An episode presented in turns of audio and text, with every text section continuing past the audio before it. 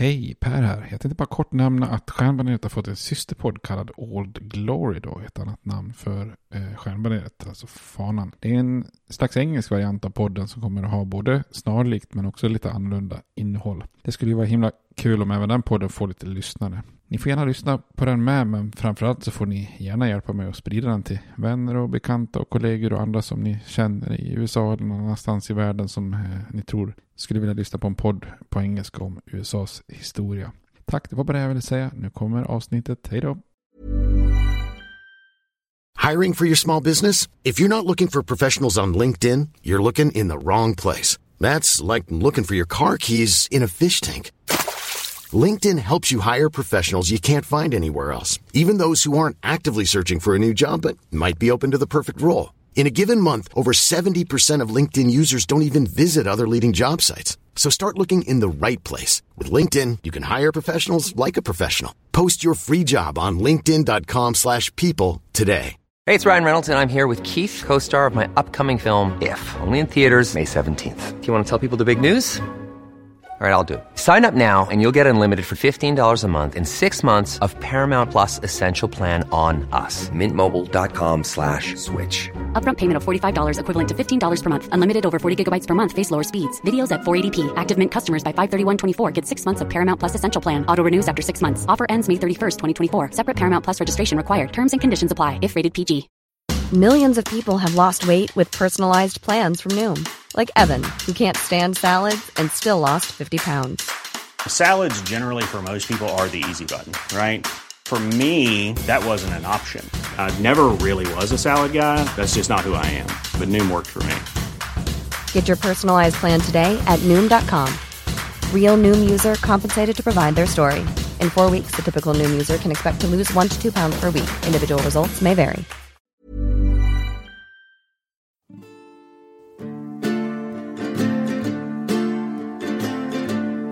We hold these truths to be self-evident, that all men are created equal, that they are endowed by their Creator with certain unalienable rights, that among these are life, liberty, and the pursuit of happiness. Now we are engaged in a great civil war, testing that government of the people, by the people, for the people, shall not perish from the earth. And so, my fellow Americans, ask not what your country can do for you. Ask what you can do for your country. I have a dream my four little children will one day live in a nation where they will not be judged by the color of their skin, but by the content of their character. Mr. Gorbachev, tear down this wall. I did not have sexual relations with that woman, Miss Lewinsky. Säger hej och välkommen till Stjärnbaneret igen, en podcast om USAs historia med mig Per Fjärdingby. Eh, jag tänkte att idag ska vi fortsätta den här översiktsserien som vi har kört på ganska mycket med nu som gör att vi tar oss igenom USAs historia helt enkelt från början till slut då. I förra avsnittet såg vi hur William Taft nästan lite sådär motvilligt blivit eh, Roswells Roosevelts efterträdare. Eh, men eh, sen då hamnat i konflikt med olika krafter inom det republikanska partiet. Trots det så hade den här progressiva politiken fortsatt nationellt. Vi pratade också om utrikespolitik då när Roosevelt tog kanalen och hur Monroe-doktrinen uppdaterades successivt och eh, hur eh, Taft körde med det som kallas för dollardiplomati. Eh, idag ska vi prata om det oerhört intressanta valet 1912 och eh, dess följder både nationellt och internationellt. Innan vi gör det då så sa jag åter att försöka få ta på en Schwarzbier eh, som ölinspiration för det här avsnittet. Och eh, en Schwarzbier är en, eh, en lageröl då. Alltså eh, en, en, lager till skillnad från en ale är ju en, eh, använder man en gäst som jäser kallare. Det är en så kallad undergäst. Eh, och lager blir då till skillnad från en ale som ger sig varmare då eh, med en annan typ av gäst och övergäst så blir ju en lager lite mer ren, frisk liksom och själva spannmålsursprunget kommer, kommer liksom nästan fram mer då. Eh, också kanske lite mer likriktat industrialiserat i, i smaknyansen på många sätt och inte lika nyanserad som en ale. Eh, Schwarzbier det är ju en en, en mörk lager, egentligen den, den mörkaste lagern som finns då. Där på många sätt är det ju likt en, en porter färgmässigt då, men det är alltså fortfarande en frisk lager. Och som du hörs på namnet så, så är det här en stil som har sitt ursprung i, i Tyskland med väldigt gamla anor då. Och det är en stil som fick stå tillbaka sen när den ljusa lagen slog igenom rejält då, men som sen har fått ett uppsving med moderna hantverksbryggerier och mer moderna versioner kan ibland kallas för black lager då, vilket ju också antyder att det är en riktigt mörk öl. Men det här är en, ett öl som har en väldigt härlig maltig karaktär samtidigt som den är så här härligt lättdrucken som en lager ska vara då. Eh, till och med ibland kallas för svart pilsner då. Eh, tyder på att det ska vara något lättdrucket. Och den svart, svarta färgen uppnås ju genom att man tillsätter ganska mycket hårt rostad malt som ger liksom några aromer av choklad och kaffe och sådär. Eh, och det här är ju ganska torr typ av öl, liksom inte så mycket söttan, sötma då, utan och ganska måttlig bäska då. Eh, och klassisk tysk Schwarzbier är inte så humlebetonad, men moderna versioner kan ju, kan ju vara det här. Eh, man ska försöka få tag på eh, klassikern då, Kösteritzer Schwarzbier, riktigt tysk då.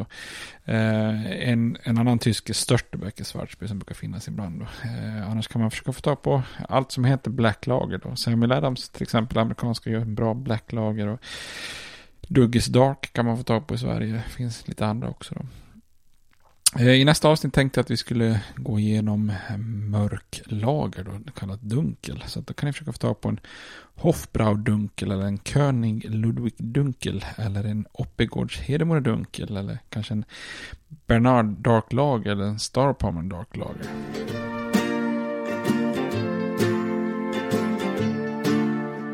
Om vi då återgår till berättelsen om USAs historia då, så eh, vi såg i förra avsnittet att han, William Howard Taft, hade haft en liten tuff period i Vita huset där. Eh, han eh, var ju inte alls lika bekväm i, i den verkställande positionen som han var i olika juridiska roller då. Och medan Taft hade haft det tufft i Vita huset så hade ju Roosevelt varit långt borta för att eh, när han klev av som president så hade han ju först gjort en enorm, väldigt lång jakttur i Afrika. Eh, jagat lite storvilt och sen hade han gjort någon form av turné runt hela Europa. Då. Men eh, han var ju långt ifrån bortglömd och, och när hans återkomst till USA eh, kommer då så är det nästan ett evenemang i sig där folk har samlats för att ta emot den forna presidenten. Eh, Roosevelt lovade ju fortfarande när han kom tillbaka att han var klar med politiken då. Eh, även om hans anhängare då brutit lite grann med Taft så hade han inte gjort det utan eh, påstod fortfarande att de var kollegor. Eh, samtidigt var han lite bekymrad över sin handplockade ersättare här. Han Eh, tackade vänligt nej eh, på en inbjud, inbjudan att komma till Vita huset och eh, privat var han lite kritisk mot att Taft ersatt så många av hans ministrar i administrationen med män som mer var lite bolagsadvokater och liknande.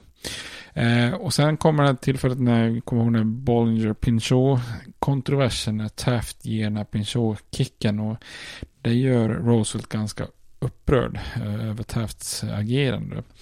Eh, så till slut då blir Roosevelt, eh, Roosevelt övertygad om att Taft har lite grann hamnat under de konservativas eh, trollspö och börjar prata, prata om att eh, Tafts ageranden är ett litet förräderi mot de progressiva och att han själv egentligen då kanske ursprungligen är den enda som skulle kunna återförena det republikanska partiet då. Under hösten 1910 så ger sig Roosevelt ut på en eh, nationell turné av politiska tal. Då. Eh, I tal efter tal så börjar han prata om ett antal principer och förslag som sen paketerats under namnet New Nationalism. Eh, och som då är ett mycket mer progressivt program egentligen än den politik som han förde när han själv var president. Eh, Roosevelt menar att social rättvisa kan man bara uppnå med en stark federal stat och en, eh, en, en president som eh, agerar som en garant för det här. Och han förespråkar graderad inkomstskatt, eh, arvsskatt, ersättning för arbetsskador, reglering av kvinno och barnarbete, sänkta tullar, eh, starkare reglering av näringslivet. Eh, ja, en liten nästan en liten touch av, av svensk eh, sosse över honom då, så är ett härligt inslag i USAs historia. Men eh, trots eh, de här mellanårsvalen och alla politiska tal så nekade eh, Roosevelt att han eh, hade några förnyade ambitioner om att bli president. Eh, eh vid den här tiden så hade ju inte det 22 tillägget i konstitutionen drivits igenom så att man kunde ju egentligen bli vald till president hur många gånger som helst. Och, eh, det här med att bara sitta två perioder var ju en praxis som George Washington hade satt från första början. Men det var ju inget måste egentligen. Så det var ju inte så att han inte kunde bli president igen då. Enligt han själv eh, agerar han nu egentligen bara med de här programmen och talen för att sätta press på Taft att återvända till den progressiva politiken då. Så han, in i det sista säger han inte att han ska ställa upp själv i presidentvalet. Men det är två händelser som förändrar Eh, Roosevelts eh, val här och inställning till slut. Och för det första så valde Taft i oktober 1910 att inleda en antitruststämning mot bolaget United States Steel. Bland annat för att ha köpt upp ett annat bolag, Tennessee Coal and Iron Company, anklagat för att det är uppköpt illegalt. Då. Och den här åtgärden hade ju Roosevelt godkänt och gett ett specifikt löfte till den här finansmannen JP Morgan under finanskrisen 1907. Och att han sa att han, eh, eh, om Morgan ställer upp med pengar så, eh, så skulle Roosevelt inte inte eh, ifrågasätta det här köpet. Och nu är det ungefär som att Tafts agerande indikerar på att Roosevelt har gjort fel. Så det här gör Roosevelt väldigt besviken då. Sen hade ju dessutom Roosevelt tvekat till att försöka få den här republikanska nomineringen så länge den progressiva senatorn Robert LaFollette från Wisconsin kampan kampanjade. För han ställde också upp som republikansk eh, kandidat då. Men i februari 18, äh, 1912 så hade LaFollette på grund av stress och en sjuk dotter drabbats av ett eh, sammanbrott under ett tal i Philadelphia och får då lägga ner sin eh, presidentkampanj. Då. Eh, så den 22 februari 1911 proklamerar Roosevelt att han drog tillbaka sitt gamla löfte om att aldrig mer ställa upp igen och så ger han sig in i racet om att bli Republikanernas presidentkandidat igen. Ehm, så här har ju liksom Roosevelt och Taft fullständigt brutit med varandra då. Ehm, och på många sätt så är ju Roosevelts kritik av Taft lite överdriven och kanske aningen obefogad. Om man, eh, lite orättvis om man ser, ser tillbaka på det. Tafts styre hade ju på många sätt varit nästan mer progressivt än Roosevelt med, med en hel del konkreta framgångar. Eh, Taft hade ju försökt i alla fall att ta tag i den här tullfrågan direkt som president, vilket var mer än vad Roosevelt vågat gjort. Då. Eh, Taft reserverade betydligt fler naturområden åt den federala staten på fyra år än vad Roosevelt gjorde på nästan åtta år. Då. Och han inledde nästan fyra gånger så många fler sådana antitrustutredningar på fyra år än vad Roosevelt gjorde på åtta år. Då. Eh, Taft drev ju också igenom i kongressen den så kallade Man Alkins Act som gav den här ICC, Interstate Commerce Commission, utökade befogenheter, bland annat att reglera telebolag och järnvägar, men också en typ egen domstol för att hantera de här fallen. Och dessutom skapades en massa federala organ för att övervaka gruvbransch och barnarbete och sånt där. Eh, Taft hade ju också inlett processen med att ta upp Arizona, New Mexico och Alaska i unionen som delstat.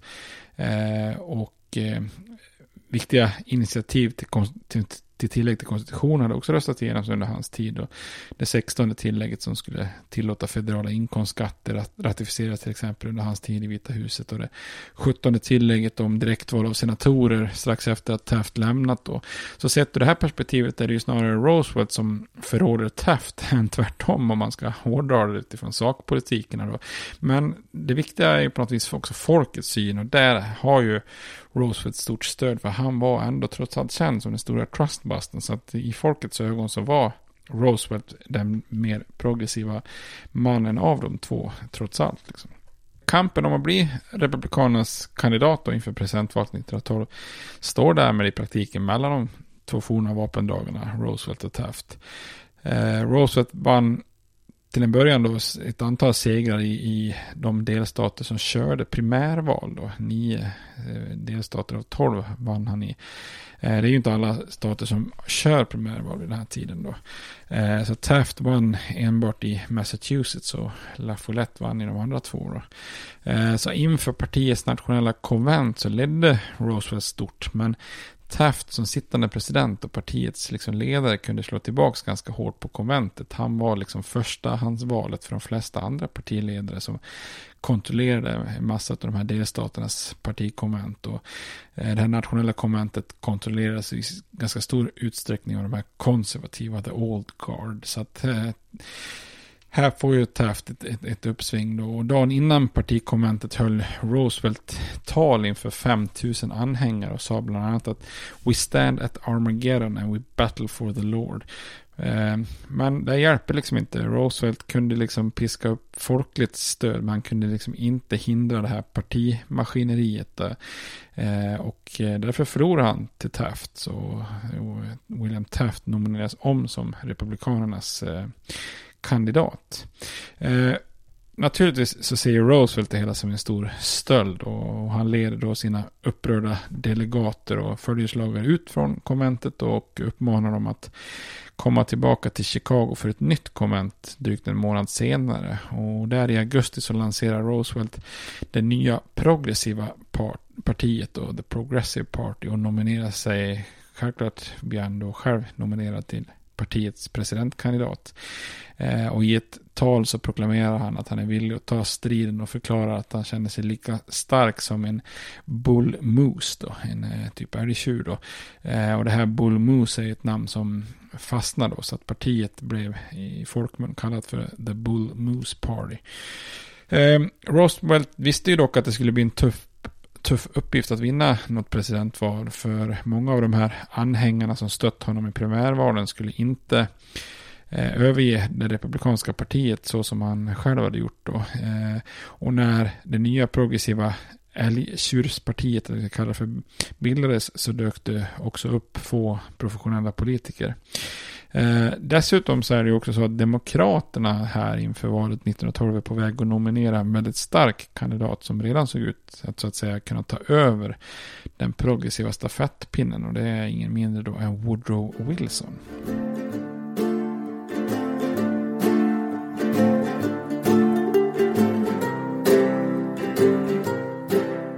Kan väl säga att med ett splittrat republikanskt parti så blåser det ju lite positiva vindar hos Demokraterna inför valet 1912. Och de nominerade Woodrow Wilson. Eh, och vem var då den där Wilson då? Jo, han, han var då när han blev nominerad var han guvernör i New Jersey. Eh, men han var född i Virginia 1856 och uppväxt i konfederationens Georgia mitt under inbördeskriget så att han hade en koppling till södern. Han var en väldigt akademisk och eh, lärd man. Eh, han tar först examen vid Princeton, alltså universitetet i New Jersey. Eh, Studerade juridik vid Virginias universitet eh, för att sen då doktorera i statsvetenskap vid John Hopkins eh, universitet i Baltimore 1886. 1890 så återvände han till Princeton och blev strax efter sekelskiftet universitetets högsta chef. Eh, efter en konflikt på Princeton så ger han sig in i politiken och, och, och vann då guvernörsvalet i New Jersey 1910. Så han är lite grann av vetenskapsmannen som, som blev politiker. Ehm, under sina två år som guvernör, guvernör gjorde han ett avtryck som väldigt framgångsrik progressiv genomdrivare av reformer som, eh, som var så framgångsrikt att han blev ett känt namn nationellt. Och de här progressiva reform förespråkarna hade vuxit sig väldigt starka inom Demokraterna och på partiets nationella konvent så misslyckades partiets konservativa att få en mer konservativ kandidat nominerad på grund av, av progressivt motstånd. Och den ena efter den andra kandidaten tvingades ge upp så kunde Wilson som den mest eh, progressiva kandidaten öka sitt stöd. Och, eh, bland annat går den här veteranen William Jennings Bryan över till att stödja Wilson.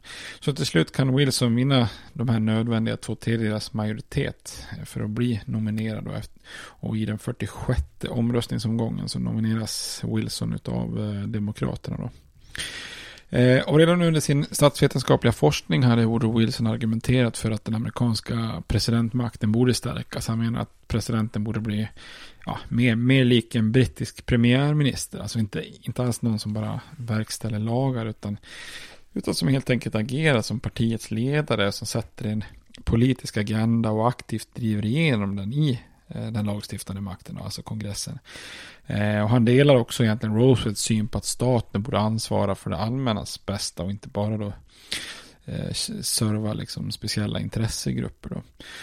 Från sin pappa har Wilson ärvt en, också en stark religiös övertygelse om att han liksom placerats på jorden för att tjäna mänskligheten att göra gott. Och den här starka övertygelsen var både en tillgång i form av självförtroende men också kan man säga en svaghet som gjorde honom ganska envis och principfast på ett sätt som vid flera tillfällen skapar lite motgångar för honom. Eh, som person var han ju väldigt lång och smal men också lite så här stel och socialt hade han ibland lite svårt att liksom tolerera och acceptera andra synsätt än, än sitt eget.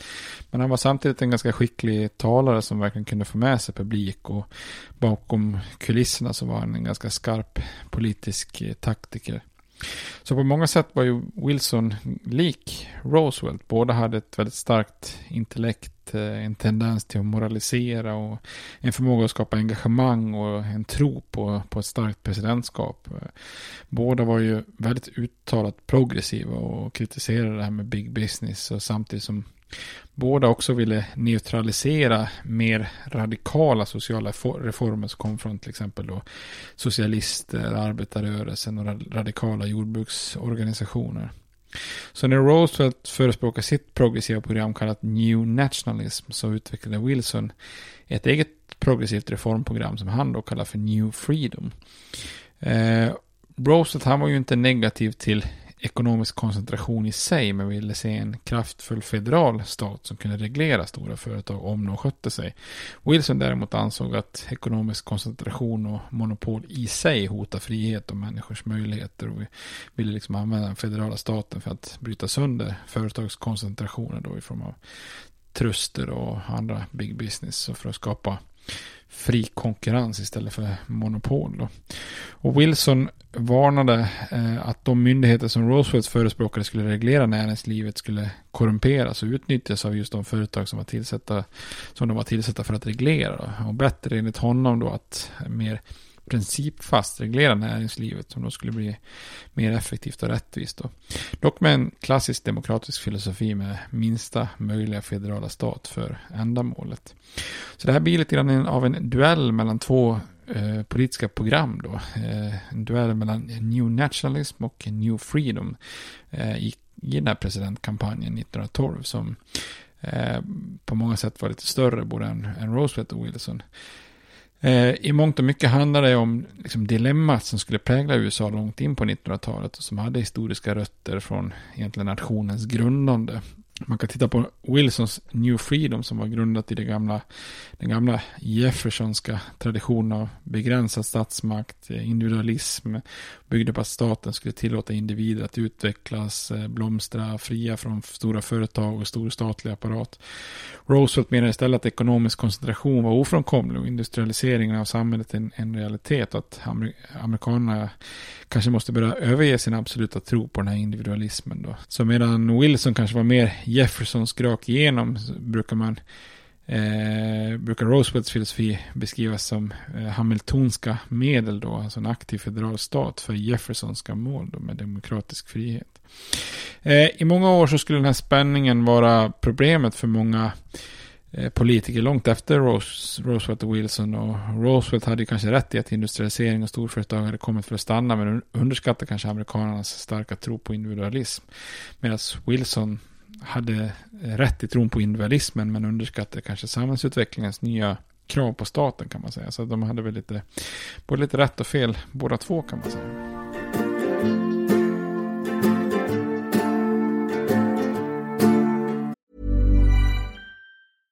Ryan Reynolds här från Mint Mobile. With the price of just about everything going up during inflation, we thought skulle bring our prices down. So to help us, we brought in a reverse auctioneer, which is apparently a thing. Mint Mobile unlimited premium wireless. Ready to get 30, 30, bit to get 30, bit to get 20, 20, 20, bit to get 20, 20, bit to get 15, 15, 15, 15 just 15 bucks a month. So, Give it a try at mintmobile.com slash switch. $45 up front for three months plus taxes and fees. Promo rate for new customers for limited time. Unlimited more than 40 gigabytes per month. Slows. Full terms at mintmobile.com.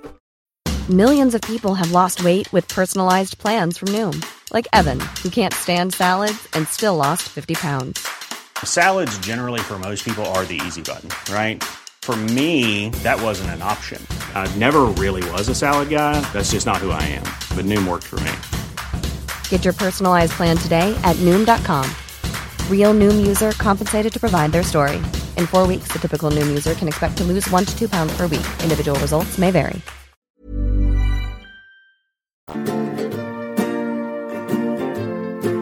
Tittar vi då på det här spännande presidentvalet 1912 då så, så var det ju alltså inte bara ett val mellan konservativa och progressiva i form av Taft versus Roosevelt utan även då ett val mellan två olika former av progressivism då. Eh, Roosevelts New, New Nation och Wilsons New Freedom. Båda uppbackade av två av de liksom, kanske de viktigaste nationella ledarna på, på 1900-talets första hälft. Eh, dessutom fanns det många som inte riktigt kunde se någon större skillnad av de här progressiva agendorna. Det finns vissa tidningar som menar att skillnaden var lika liten som mellan tvillingarna i Alice i Underlandet. Eh, många höll ju med och i så fall så vände man sig oftast till det radikala alternativet i form av det socialistiska partiet och, och dess kandidat är Eugene Debs. Eh, men valet blir ganska snabbt ett race mellan Roosevelt och Wilson då. Eh, Taft slutar kampanja efter ett tag mer eller mindre eftersom han förstod att han hade en liten chans att vinna och till sin fru så, så skrev han uppgivet och nästan lite sorgligt får man säga I think I might as well give up so far as being a candidate is concerned. There are so many people in the country who don't like me. Så han är lite ledsen där. Eh, Roosevelt han kampanjade väldigt intensivt fram till de sista veckorna innan valet och då var katastrofen väldigt nära kan man säga. Den 14 oktober så när han besöker en bilfabrik i Milwaukee så blir han skjuten av John Schrank, en mentalt störd man som ansåg att alla som försökte bli president en tredje gång förtjänade att dö.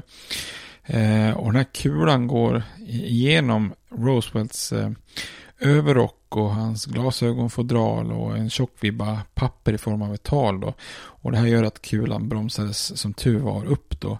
Eh, ändå gick den här kulan in i bröstet och bröt ett reben innan den stannade bara någon centimeter ifrån hjärtat då. Eh, och efter att ha blivit skjuten så är ju Roosevelts agerande, eh, ja vad ska man säga, spektakulärt och dumdristigt. Då. Alltså först eh, ropar han hedersamt eh, och, hindrar folk runt om händelsen här att, eh, från att göra den här personen som attackerar han illa då. Ehm, men därefter så insisterar han att han ska också få hålla det här tänkta talet då. Så inför en ganska häpen publik så, så pratar den här skjutna Roosevelt i blodig skjorta i mer än en timme och säger bland annat It takes more than, more than that to kill a bull moose. Eh, sen efter det så, så mer eller mindre kollapsar han. Men han håller alltså talet fast han har fått en kula i bröstet. Så det, är, det är lite sturskt får man säga. Eh, I slutändan så hade Roosevelt svårt att vinna över demokratiska väljare. Så medan han och Taft liksom splittrar de republikanska väljarna så kunde Wilson med demokratiskt stöd eh, helt enkelt vinna presidentvalet 1912. Eh, men han gjorde det med bara 42 procent av rösterna totalt. Så i den bemärkelsen så liknar det lite grann eh, Abraham Lincoln när han vinner eh, 18, eh, i presidentvalet 1860. Att man faktiskt inte får så stor majoritet av rösterna procentuellt. Då. Men Eh, Roosevelt får 27 procent och Taft får 23 procent och så får socialisten Eugene Debs får 9 procent av rösterna. Så det är ju splittat på fyra kandidater precis som det var 1860. Eh, eh, och även om det bara var 9 procent så är det ju dittills det bästa för socialistpartiet. Eh, men eh, socialistpartiets röster var ju ganska utspridda geografiskt så det räcker ju inte till en och röst. elektorsröst. Eh, så för övriga blev det eh, i, i elektorsvalet så blir det ändå trots allt 435 elektorsröster för Wilson, 88 för Roosevelt och 8 för Taft. Och därför blir det, när man väl fördelar det här, en komfortabel vinst för Wilson. Då. Tittar vi lite grann på Wilson som president då, så man kan ju, man bör ju nämna att Woodrow Wilson faktiskt blir den andra demokraten i Vita huset sedan inbördeskriget. Eh, det är ju bara Grover Cleveland om ni kommer ihåg han mannen som var vid två tillfällen fast med en annan president emellan. Eh, förutom Cleveland så är Wilson den första demokraten sedan inbördeskriget. Och, eh, han är ju en driftig och, och bestämd man som president och han fortsätter den här expansionen av presidentmakten som, som Theodore Roosevelt inlett. Och om Roosevelt hade varit en stark president på grund av sin personlighet så är ju Wilson en stark president, president på grund av sin övertygelse kan man säga. Han är en riktig idealist. Eh, han utövade stor kontroll över ministrarna i sitt kabinett men drog sig samtidigt inte för att delegera makt till, till de lojala ministrar han litar på. Eh, han samarbetade också ganska bra med kongressen och var ju noga med att liksom på något vis underhålla eller kultivera relationer med viktiga demokrater för att bygga koalition hela tiden för sina förslag. Och det hjälpte ju naturligtvis också att demokraterna hade majoritet i både representanthuset och senaten till en början. Eh, Wilson är också en, kan man säga, en föregångare i, när det gäller relationen till media. Han införde under sina första två år veckovisa presskonferenser. Eh, och som en skicklig talare han var då så återinförde han traditionen att personligen leverera sitt årliga tal till kongressen, det som kallas för State of the Union. Det här med State of the Union är någonting som skrevs in i konstitutionen, alltså att presidenten skulle uppdatera kongressens ledamöter kring ja, tillståndet i landet då, the state of the union. Ehm, och de första två presidenterna, George Washington och John Adams, hade ju gjort det här personligen, alltså att man, man eh, promenerade över till kongressen och höll ett tal då, eller egentligen rapporterade. då, det är ju som en statusrapport kan man säga då. Men eh, Thomas Jefferson som ville göra lite mer, eh, ta bort lite mer aristokratiska inslag av presidentposten, han tonade ju ner det här och eh, valde att inte eh, dyka upp personligt, utan han skickade ju den här statusrapporten skriftligen då. Och det, alla presidenter efter Jefferson fortsatte ju med att bara skicka State of the Union till kongressen då. Eh, men Wilson han återupptar den här traditionen och alla presidenter efter Wilson har ju också personligen infunnit sig i kongressen för att eh, hålla, eh, rapportera muntligen då. Och det här idag är ju ett tal som blir en jättestor happening med gäster och annat. Och eftersom det sänds i media så kallas det ibland för presidentens tal till nationen och så vidare. Eh, Wilsons taktik och ledarskap fungerade fungerar och han kunde räkna in ett antal framgångar under sina första tid som, som president. Och, eh, Wilsons första framgång var att leva upp till ett gammalt demokratiskt progressivt mål och det var ju en sänkning av tullavgifterna. Då. Eh, de här de, han för, för igenom nya då, för, för Underwood Simmons-tullarna som innebar rejäla sänkningar som, som många progressiva hade hoppats på. Att det skulle då kunna ja, öka konkurrensen på den amerikanska marknaden och minska de stora trusternas makt. För att Tullarna, tullen var ju ändå en ganska stor del av den federala statens intäkter. Så för att kompensera så att den federala staten inte tappar för mycket intäkter så drev kongressen på, på Wilsons initiativ igenom då en eh, första graderad federal inkomstskatt då, som, eh, som inte hade varit möjligt om inte man nyligen då hade ratificerat det 16 tillägget till konstitutionen då. Eh, så att eh, Wilson han utnyttjar det här tillägget eh, så fort det bara går då. Och det här är ju den första moderna inkomstbeskattningen då, federala inkomstbeskattningen i USA. Eh, individer och företag som tjänar mer än 4 000 dollar om året skulle beskattas då med 1 procent. Eh, sen då i olika grader så att de som tjänade över 500 000 Eh, dollar årligen betalade 6 procent i skatt. Och alla inkomster under 4 000 dollar undantogs då, vilket innebär att i princip 90 procent av alla familjer i USA 1914 inte berördes av den här federala inkomstskatten. Wilson behöll kongressen i sammanträde över, vin eller, vintern, över sommaren 1913 för att uppnå sin eh, kanske viktigaste eh, triumf då. Och det är den så kallade Federal Reserve Act. Eh, och den här lagen skapar då nationens första centralbanksystem efter att Andrew Jackson avskaffat The Second Bank of the United States på 1830-talet. Eh, och ni som har lyssnat på podden från start, ni kanske minns hur otroligt känslig den här frågan var kring en nationell federal bank. Då. Det första centralbanksystemet hade ju varit en del av Alexander Hamiltons eh, nationella ekonomiska program som faktiskt var det som ledde till splittringen mellan honom och eh, James Madison och Thomas Jefferson och hela liksom uppkomsten av det som brukar kallas för det första partisystemet på 1790-talet. Men även om Jefferson och Madison och Monroe kommit över frågan i början på 1800-talet eh, eh, och, och, godkände att den här banken förnyades så eh, kom ju sen Andrew Jackson till presidentposten på 1830-talet och ville verkligen döda den här banken. Och det uppstod ju då så kallade bankkrig mellan honom och centralbankschefen Nicholas Biddle. Och, eh, och ingen av de här två första varianten av centralbanker hade ju varit någon ska man säga, modern renodlad historia utan ett ganska svagt system med halvt privatägda och halvt federala banker. Då. Eh, och de flesta var ju överens när man går in på 1910-talet att frånvaron av en centralbank och ett system som bara bygger på privata banker vad gjorde USA sårbart som, som nation ekonomiskt. Eh, så den här nya då Federal Reserve skapade grunden för ett mer modernt system. Och det finns ju kvar än idag. Det är ju ofta man hör talas om Federal Reserve när man hör nyheter om USA. Eh, och det här nya systemet reformerade ju helt banksystemet och var lite av en kompromiss mellan södern och västern som ville ha en eh, statlig reglering av banker och nordöstra USA som ville ha privata banker.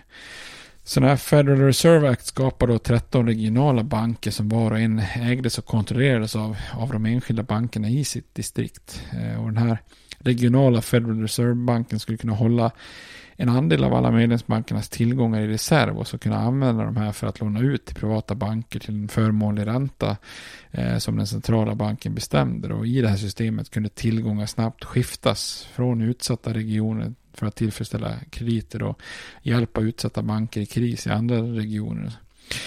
Eh, Federal Reserve kunde också utfärda en, en, en, ny form av sedlar då, Federal Reserve Notes, som, eh, som nu då blev landets valuta uppbackad av den federala staten. Och de som styrde och övervakade hela systemet var då en nationell Federal Reserve Board vars, vars medlemmar då presidenten utsåg.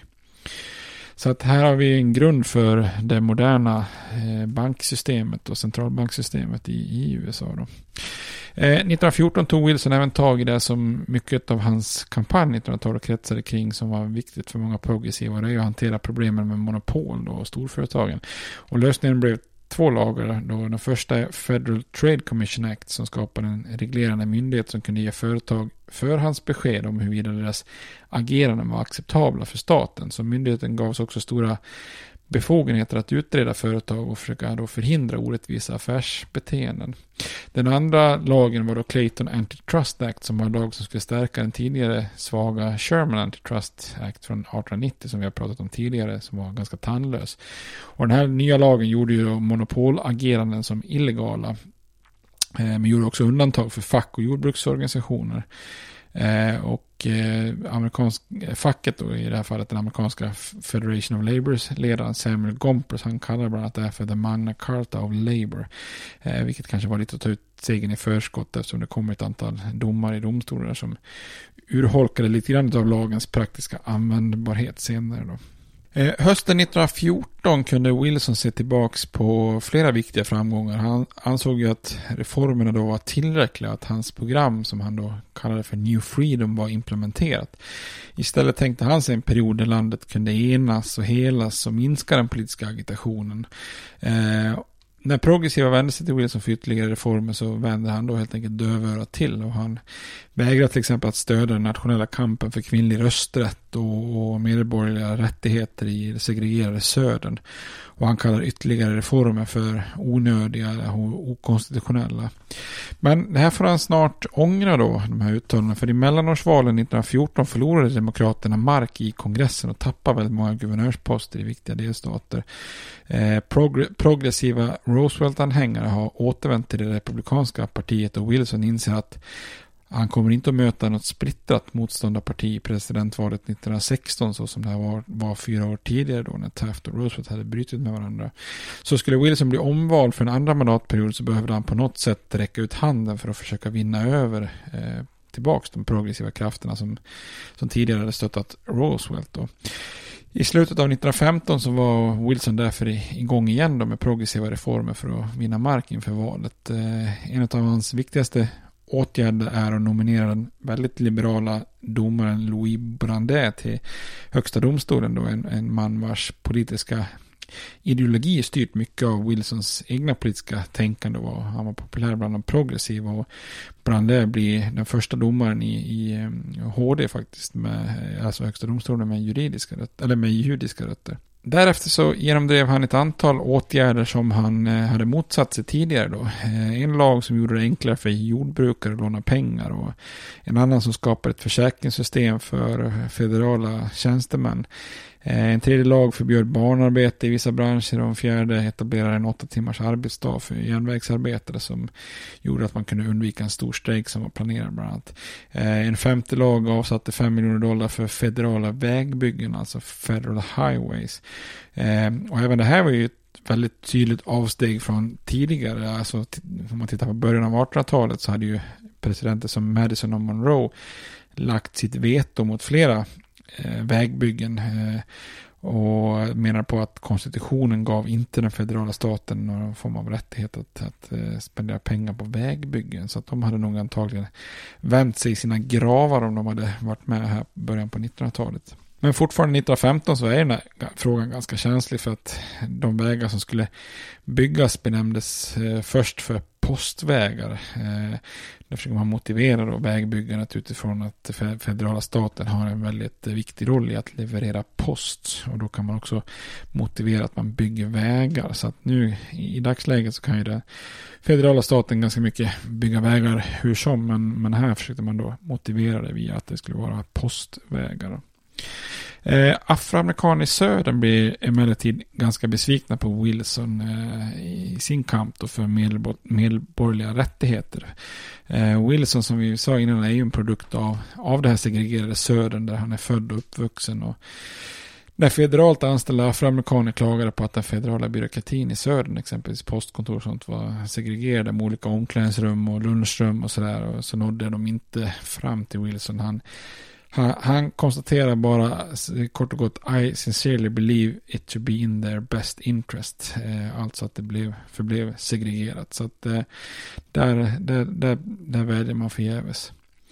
Så man kan säga så här, i slutet av 1916 så hade Wilson i princip implementerat både sin eget program då, New Freedom, men eh, nästan också i princip Roosevelts New Nation då. Och fortsatte den trenden att samla allt större makt i Washington. Så under Wilsons tid i Vita huset så kan man säga att den här progressiva rörelsen når sin, eh, lite grann sin höjdpunkt. Då. Och, eh, och då har det varit tre progressiva presidenter i rad med Roosevelt, Taft och sen slutligen demokraten Wilson. Och på många sätt hade ju deras styre då övergivit den här gamla devisen att den staten är bäst som styr minst. Utan här har det varit ganska aktivt eh, styrande. Då.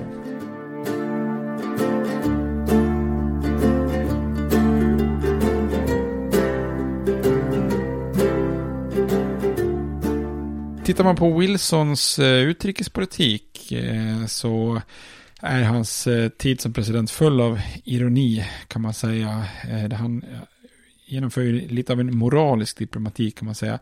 Innan han tillträde så lovade han en förändring från sina föregångares försök att skapa ett amerikanskt imperium då. Eh, men ironiskt nog i slutändan så kom hans politik att i prakt i praktiken skilja sig väldigt, väldigt lite från sina föregångare.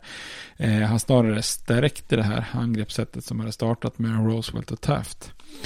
Eh, Wilson hade ju i princip varken kan man säga, intresse eller erfarenhet av utrikespolitik. Och till en vän så sa han 1912 eh, It would be the irony of fate if my administration had to deal chiefly with foreign affair, affairs. Och här är ju kan man väl säga att ödets ironi spelar honom ett spratt minst sagt som vi kommer att se här i avsnitt framöver så får ju Wilson hantera första världskriget då.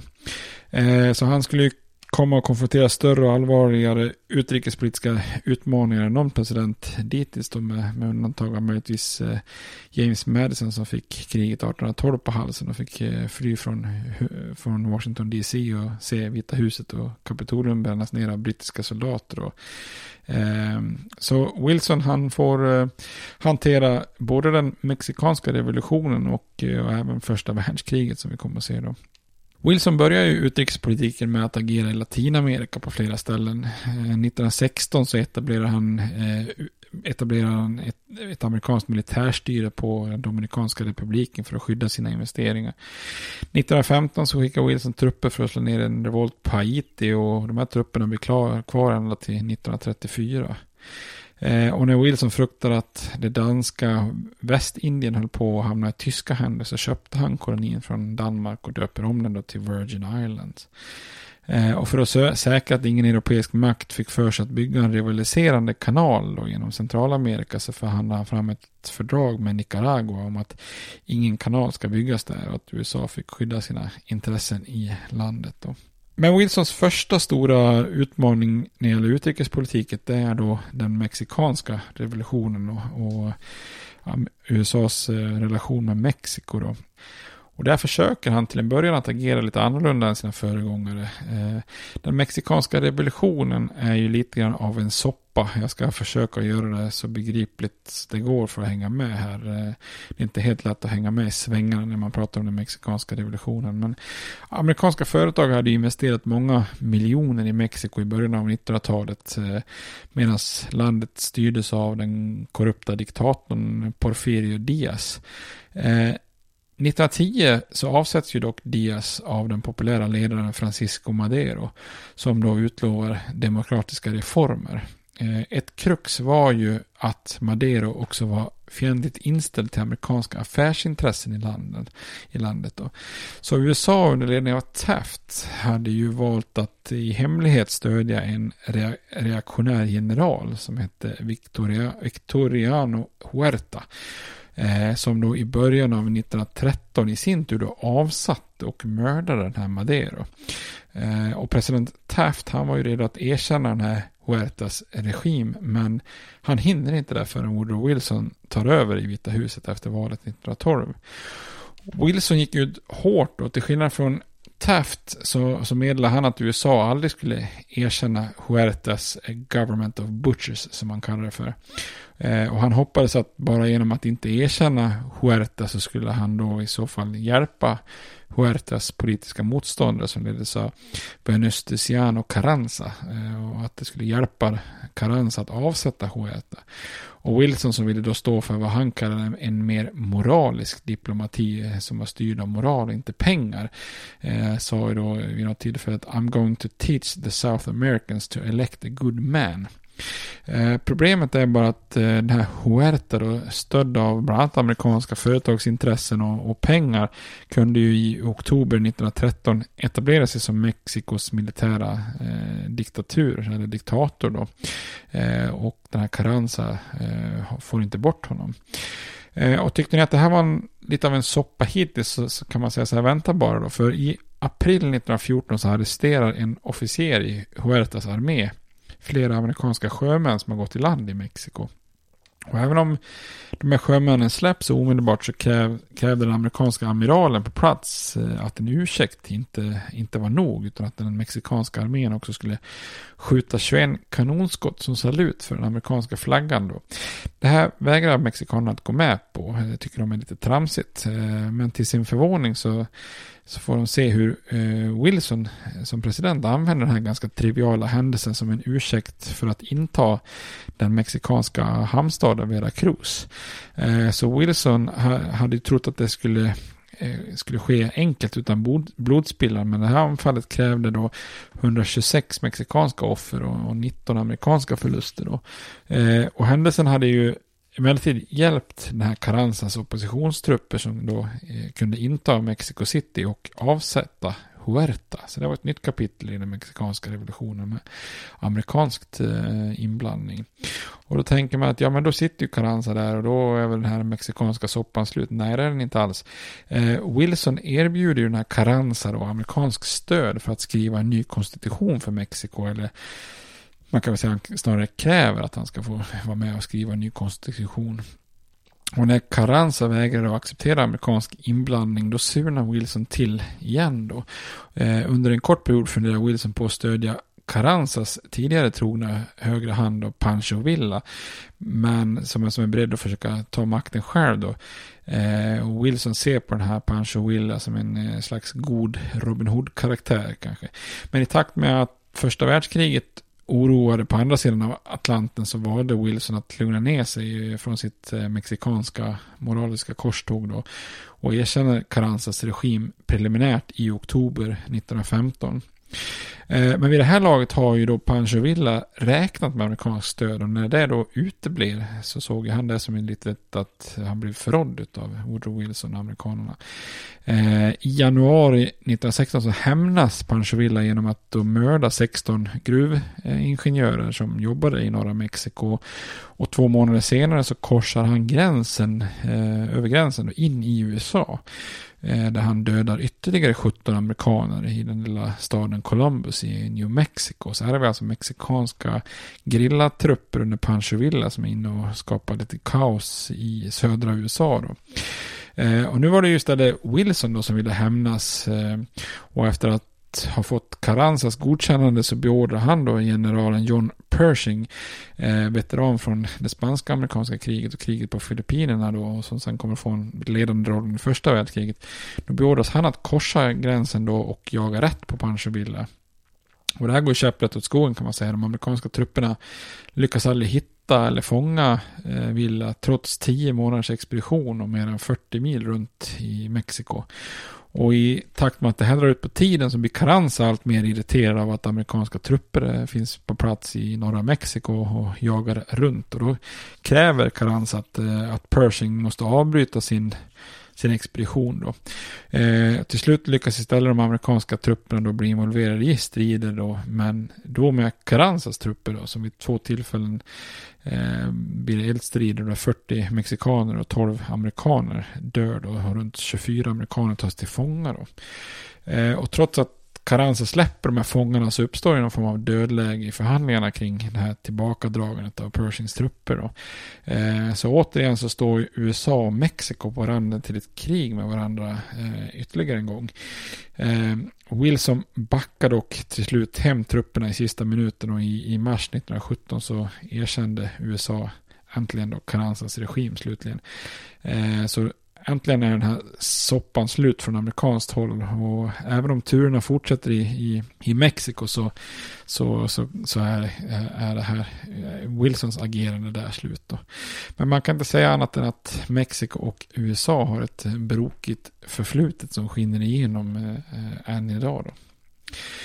Så det var lite om Woodrow Wilson och eh, eh, både inrikes och utrikespolitik. Då. Eh, och en anledning till att eh, Wilson eh, släpper sitt engagemang i Mexiko är ju att han får fullt upp med första världskriget. Och jag tänkte att i nästa, nästa avsnitt i översiktsserien och de kommande avsnitten så ska vi kika lite grann på USAs väg in i första världskriget. Eh, vad som händer när USA mobiliserar Eh, och går in i kriget och den problematiska freden och eh, första världskriget också får ju också stora eh, följder på i USA inhemskt med den första så kallade Red Scare där man förföljer kommunister och så vidare. Så det är en period som är väldigt formande för USA. Så att det börjar bli dags för lite första världskriget. Men tills dess så får ni ha det bra.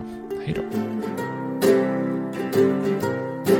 States like these and their terrorist allies constitute an axis of evil.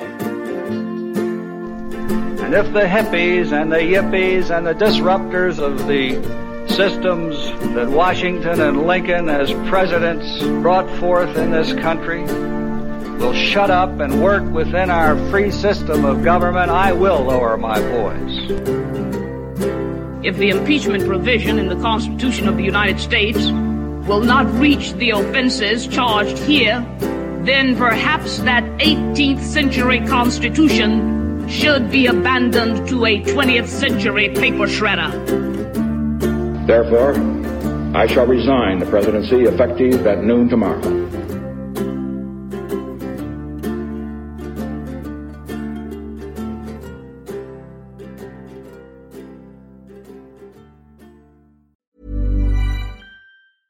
Planning for your next trip? Elevate your travel style with Quince. Quince has all the jet setting essentials you'll want for your next getaway, like European linen, premium luggage options, buttery soft Italian leather bags, and so much more. And is all priced at 50 to 80% less than similar brands.